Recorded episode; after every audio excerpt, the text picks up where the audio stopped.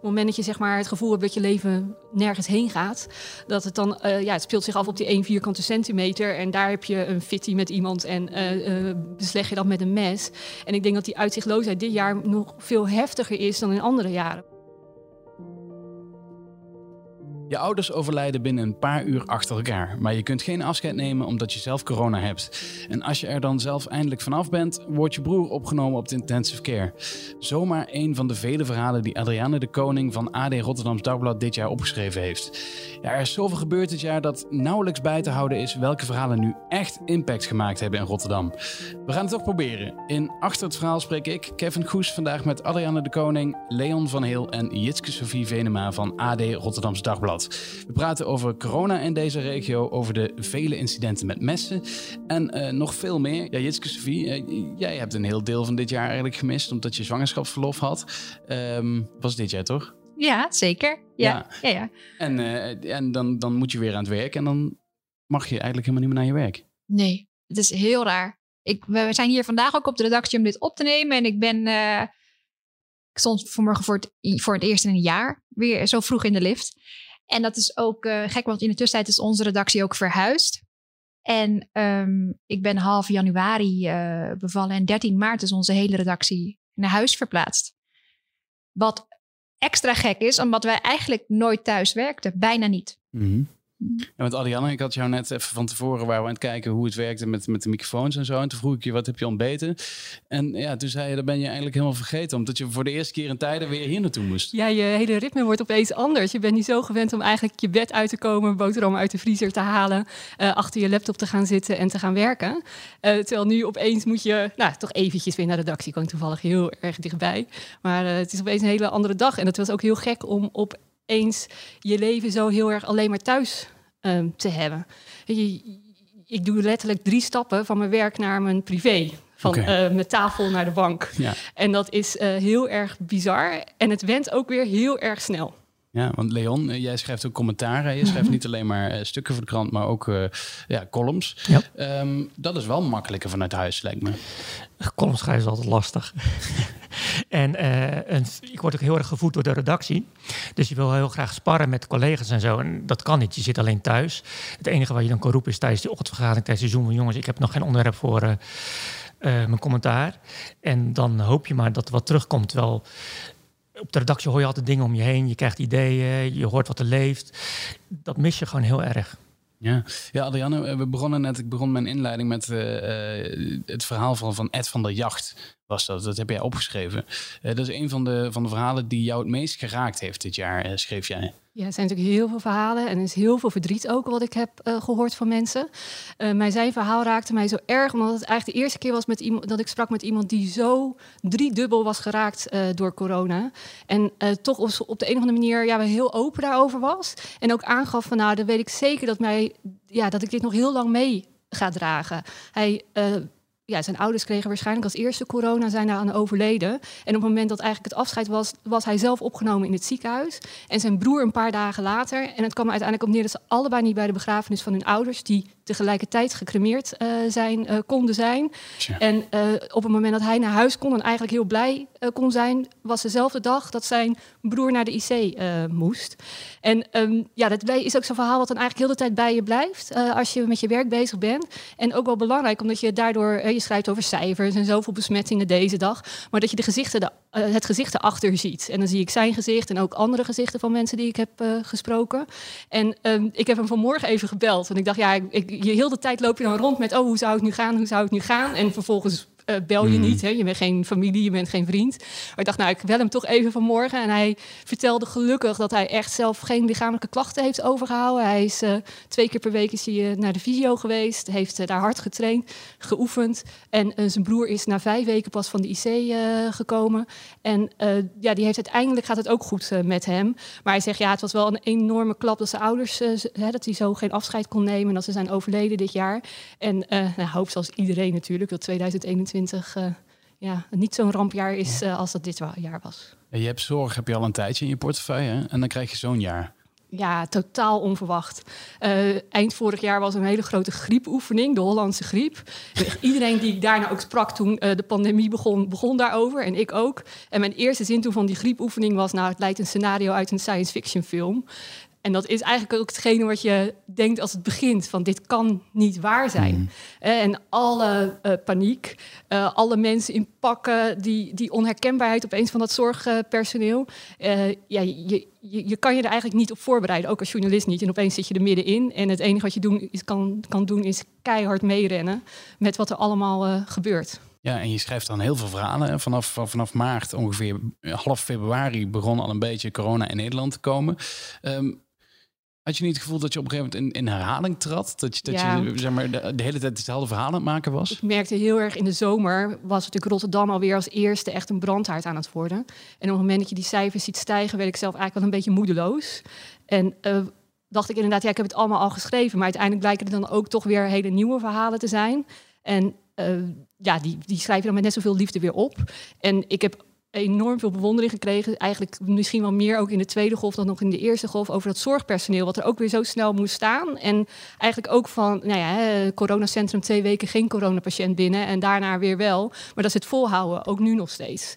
En uh, ja, dan is het eigenlijk wel een beetje gek als ik het niet zou kunnen volhouden. Uh, dus dat is ook een soort van inspiratie om uh, wel hun verhalen te blijven optekenen en te ontdekken wat zij allemaal meemaken en tegenkomen. Ja, ja Jitske Sofie, jij geeft ook, ook, ook, leiding hier aan de redactie. Hè? Je zorgt dat het de goede kanten oploopt. Adrianne die zegt al, ze heeft heel veel op haar bord gekregen qua corona. Hoe moeilijk was het om de krant te blijven vullen met ook nog andere verhalen daarnaast? Um, nou, het is wel gelukt, maar we, soms stel je inderdaad dan wel de vraag aan het eind van de ochtendvergadering: hebben we ook nog een niet-corona-verhaal? En dat is eigenlijk natuurlijk een, een, gekke vraag, want het is nou eenmaal iets wat ons leven en dus ook het nieuws heeft beheerst. Um, maar waar we ook veel over hebben geschreven, wat ik ook heel belangrijk vind, zijn de, de jongeren met messen. Ja. En uh, nou, je noemde net al uh, dat ik dit jaar een kindje heb gekregen. En ik vind die messen ook zo belangrijk, ook voor de stad. dat is een persoonlijk ding. Maar sinds ik dus een hmm. kindje heb, voel ik zo'n oerdrang om hem te beschermen. En dat is iets universeels. Maar ik had dat nog nooit iets eerder gehad. En nu, um, sinds een paar maanden, zeg ik thuis veel: pas op. Pas op bij de rand van dat bed. Pas op bij dat stopcontact. Pas op op je loopwagen. En dat gaat niet ophouden, dat weet ik ook. Als je kind ouder wordt, blijf je ook zeggen: pas op, pas op bij het oversteken. Hmm. Pas op op de fiets en pas op met dat mes. En het raakt me gewoon dat nu zoveel kinderen met, met die messen rondlopen. Met het idee dat je dus niet meer je kind daartegen kan beschermen. Er gaan dus ouders in Rotterdam dit jaar slapen, niet zeker weten dat hun kind veilig is, of zonder dat hun kind terugkomt. Want het is dus dit jaar ook een paar keer echt misgegaan. Ik koppen van afgelopen jaar. 13-jarige jongen opgepakt naar steekpartij. 14-jarig slachtoffer zwaar gewond. 15-jarige jongen zwaar gewond naar steekpartij in Rotterdam. 17-jarige jongen doodgestoken op straat in Rozenburg. Ja, het, gaat, het, het houdt niet op. We hebben, zijn er drie, hè? Ja, ja, ja, we hebben dit jaar minstens 19 echt ernstige steekpartijen gehad tussen kinderen met een mes. Uh, we hebben het 15-jarige meisje Alice is doodgestoken. De verdachte is 16. Muscheraldo in Rozenburg 17. Verdachte is 18. En um, weet je wat het is? Als je elkaar uitscheldt, kun je sorry zeggen en dan ga je weer door. Als je zo dom bent om elkaar klappen te geven, ja, kun je gestraft worden en dan ga je weer door. Maar met dat mes, echt één domme seconde met je onvolgroeide brein, dat tekent niet alleen het leven van jou of je slachtoffer, maar van heel veel meer mensen, want het gaat over kinderen. En um, dat, is, dat is echt een probleem nu. En weet je, we hebben het nu over corona en corona is een besmettelijk virus. Maar in de zekere zin zijn messen ook wel besmettelijk. Je weet, hebben meer mensen geen mes op zak nu dan wel, natuurlijk. En hebben meer mensen geen corona nu dan wel. Maar het probleem dat je niet weet, wie wel, wie niet. Dat zorgt ervoor dat gewoon heel veel schooldirecteuren bijvoorbeeld in de stad, buschauffeurs, agenten op hun hoede zijn, omdat ze niet zeker weten welk kind een mes bij zich heeft en wie niet. En het zorgt ervoor dat kinderen een mes meenemen, omdat je niet zeker weet of het de Mhm. tiener die jij tegenover je treft in een ruzie een mes bij zich heeft of niet. Dat verspreidt zich als een gek. Dat is echt een probleem. Leon, hoe, kijk jij naar die situatie? Want je, als commentator heb je hier natuurlijk ook naar gekeken, ook Zeker. over geschreven. Ja. Wat, wat, eh, ja, wat, wat was jouw commentaar erop? Oeh, ik heb verschillende commentaren opges- opgeschreven. En eh, wat je dus ziet is dat het gewoon echt een heel moeilijk probleem is. Omdat ehm, voor de jongeren is het hun wereld. En dit is waarmee zij zich afficheren. En eh, zij roepen ook van, ja, dit is onze situatie, dit zijn wij. En, en dan denk ik ook wel eens, ja, dit is niet Parijs, dit is geen milieu in Parijs, dit is IJsselmonde, kom op. Maar goed, dat is makkelijk gezegd. En eh, er wordt wel steeds gezegd, ja, je moet wat zit erachter? Je moet naar de sociaal-economische situatie kijken. En inderdaad, ehm, ze ze komen vaak uit arme milieus. Ehm, maar dat is misschien een verklaring, maar geen excuus.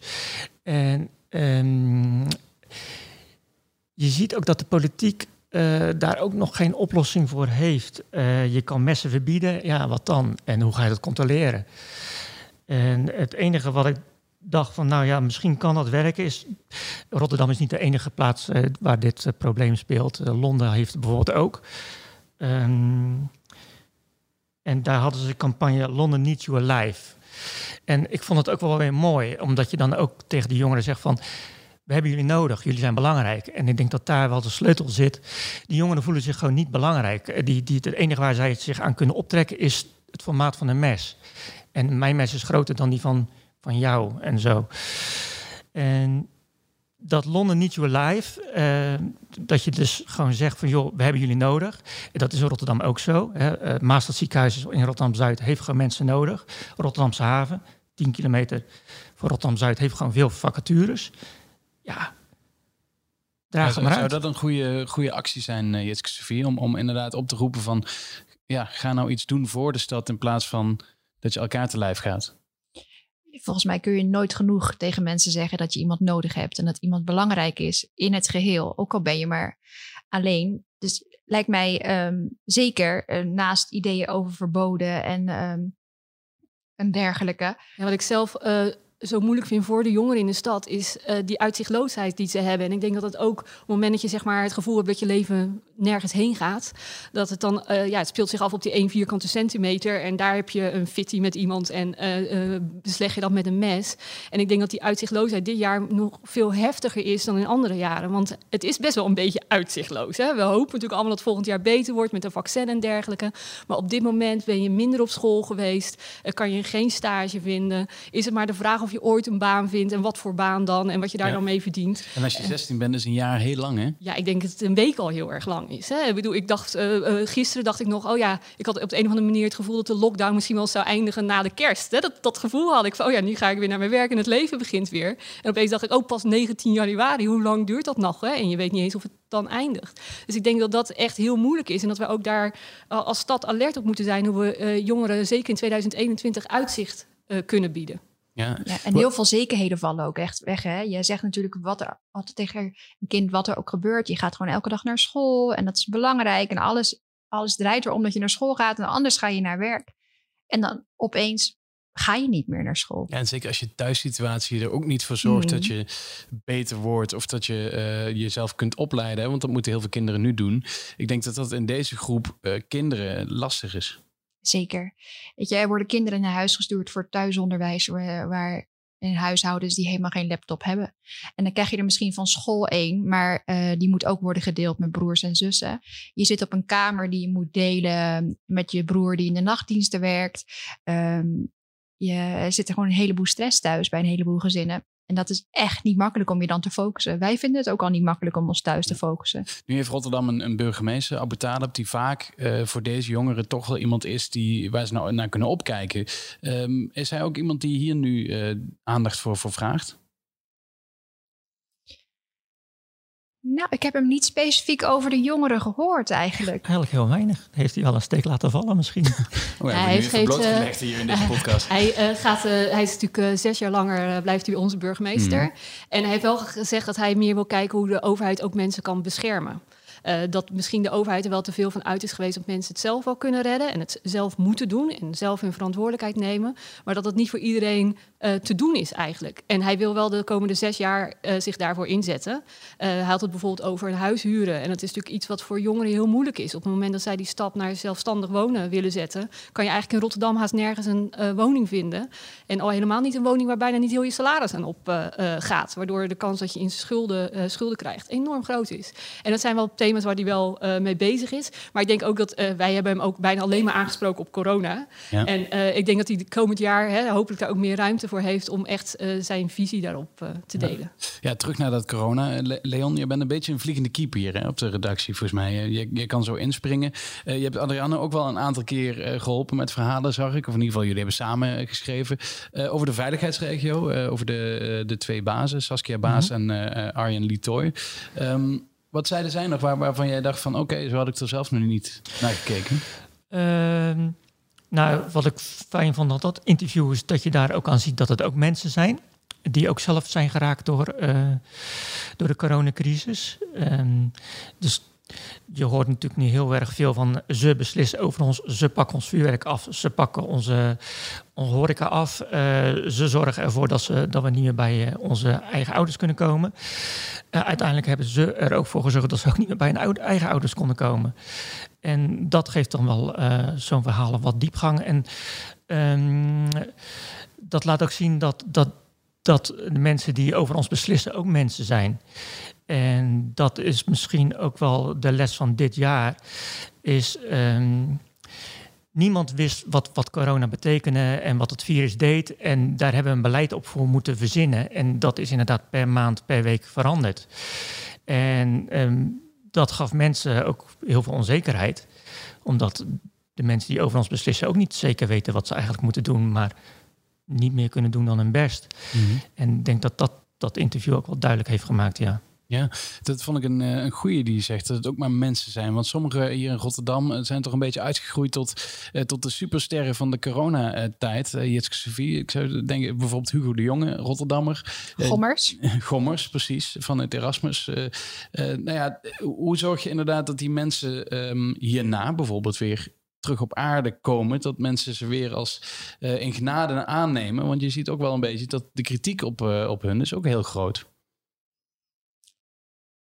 Nou, ik hoop voor mensen als schommers dat ze na de pandemie gewoon weer um, door kunnen gaan met hun IC draaien in het ziekenhuis, zonder dat zij voor een heel groot publiek staan. En dat Hugo de Jonge uh, lekker doorgaat met minister zijn. En um, niet meer zo hier heel erg op wordt aangekeken. Ja, Adrianne, eh, dat is inderdaad Hugo de Jonge. Die was de lijsttrekker hè, van het CDA. Nou, en dat heeft hij opgegeven vanwege zijn ministerschap. Um, hoe vind je dat hij het gedaan heeft dit jaar? Nou, ik ken hem nog als uh, wethouder. En uh, de laatste keer dat ik hem zag was bij de XL Teststraat hier op Rotterdam Airport. En ik keek naar zijn ogen en dacht, wow, die is echt super moe. Uh, en uh, ik denk dat hij wat dat betreft echt een hele goede keuze heeft gemaakt om te zeggen, ja, dit kan ik niet allebei doen. En ik denk dat dat voor iedereen ook een waarschuwing is, dat op het moment dat je zo'n beroep op je wordt gedaan, je niet moet denken dat je ook nog even nog veel meer kan, uh, kan doen.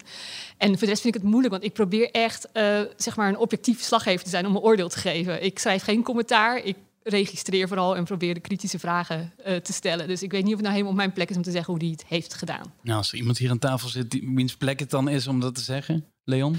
Hoe hij het heeft gedaan? nou ja, hij heeft zijn best gedaan. Maar ja, uh, ik denk dat we met z'n allen straks achteraf kunnen zeggen dat iedereen zijn best heeft gedaan. Maar dat er natuurlijk ook ontzettend veel fout is gegaan. En zeker ook bij Hugo de Jonge, die toch wel genegen is om dingen uh, te beloven. Uh, terwijl hij dat niet, niet waar kan maken. En dat is, ja, dat zal hij denk ik na deze crisis wel hebben afgeleerd.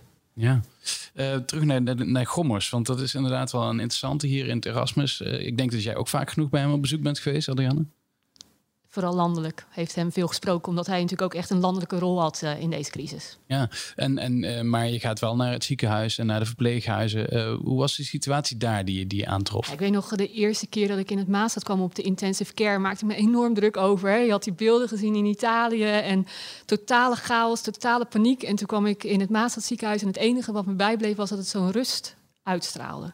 Uh, mensen waren totaal in controle, wisten wat ze deden. Patiënten lagen allemaal op een eenpersoonskamer aan de beademing. Hè, konden natuurlijk niet roepen, schreeuwen of wat dan ook. Die lagen in, in diepe slaap.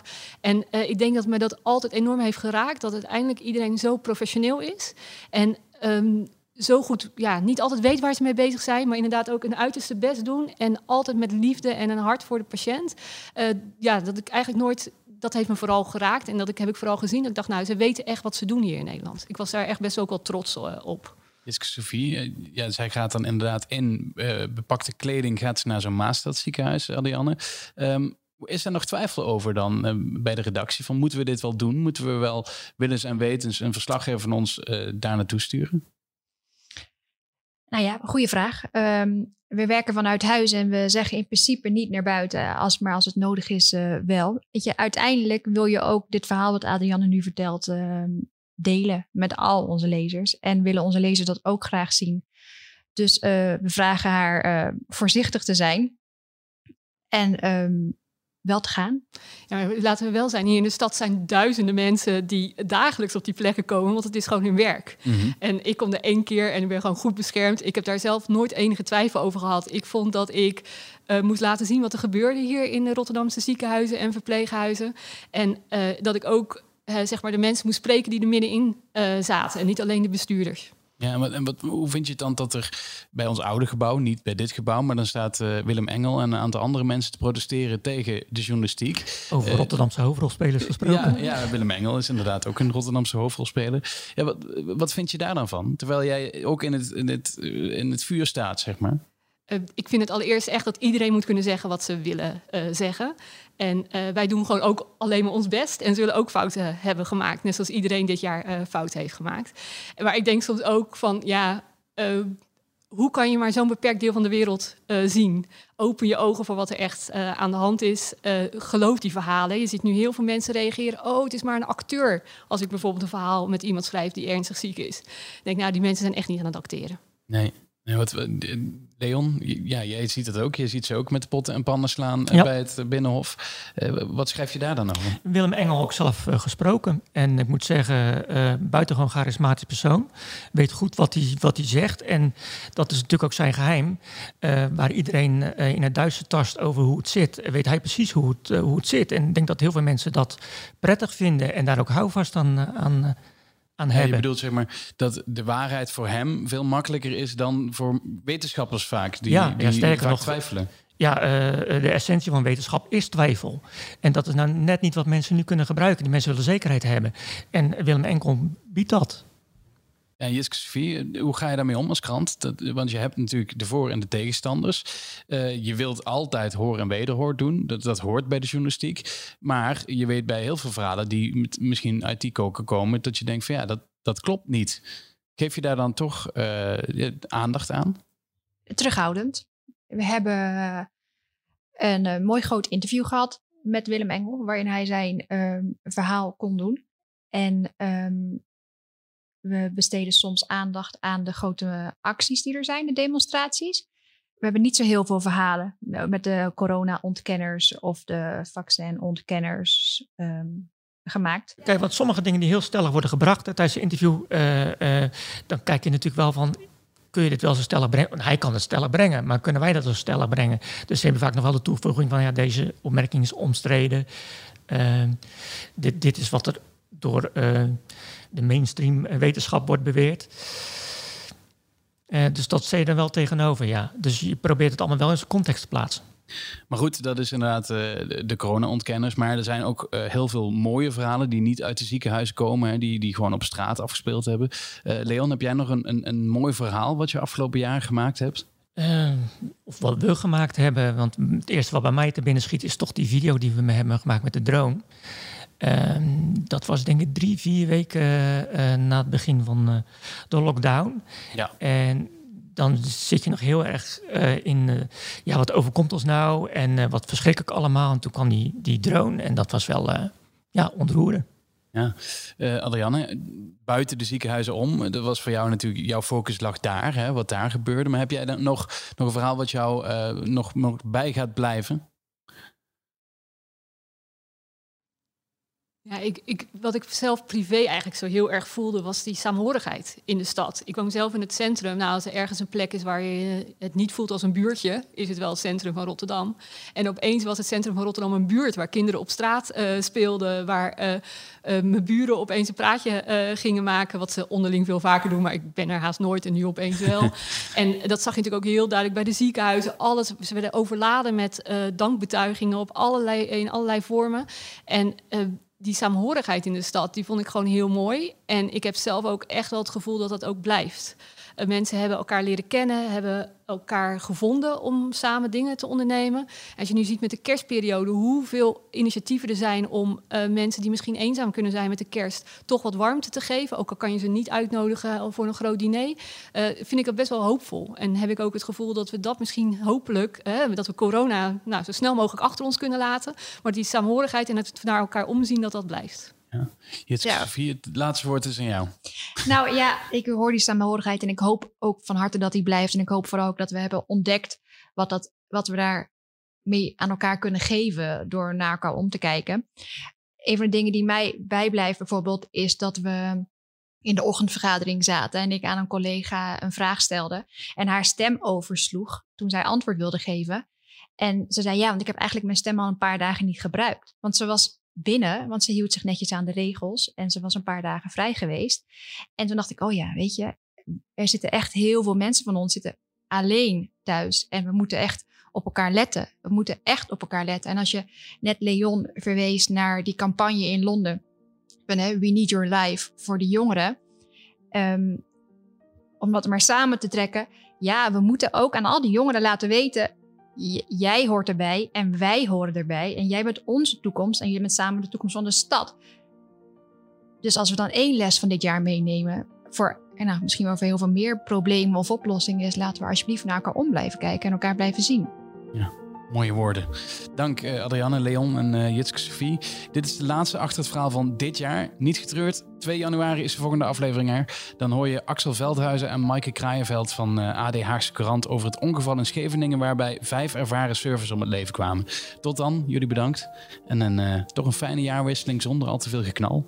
Zonder geknal. Ja, zonder geknal.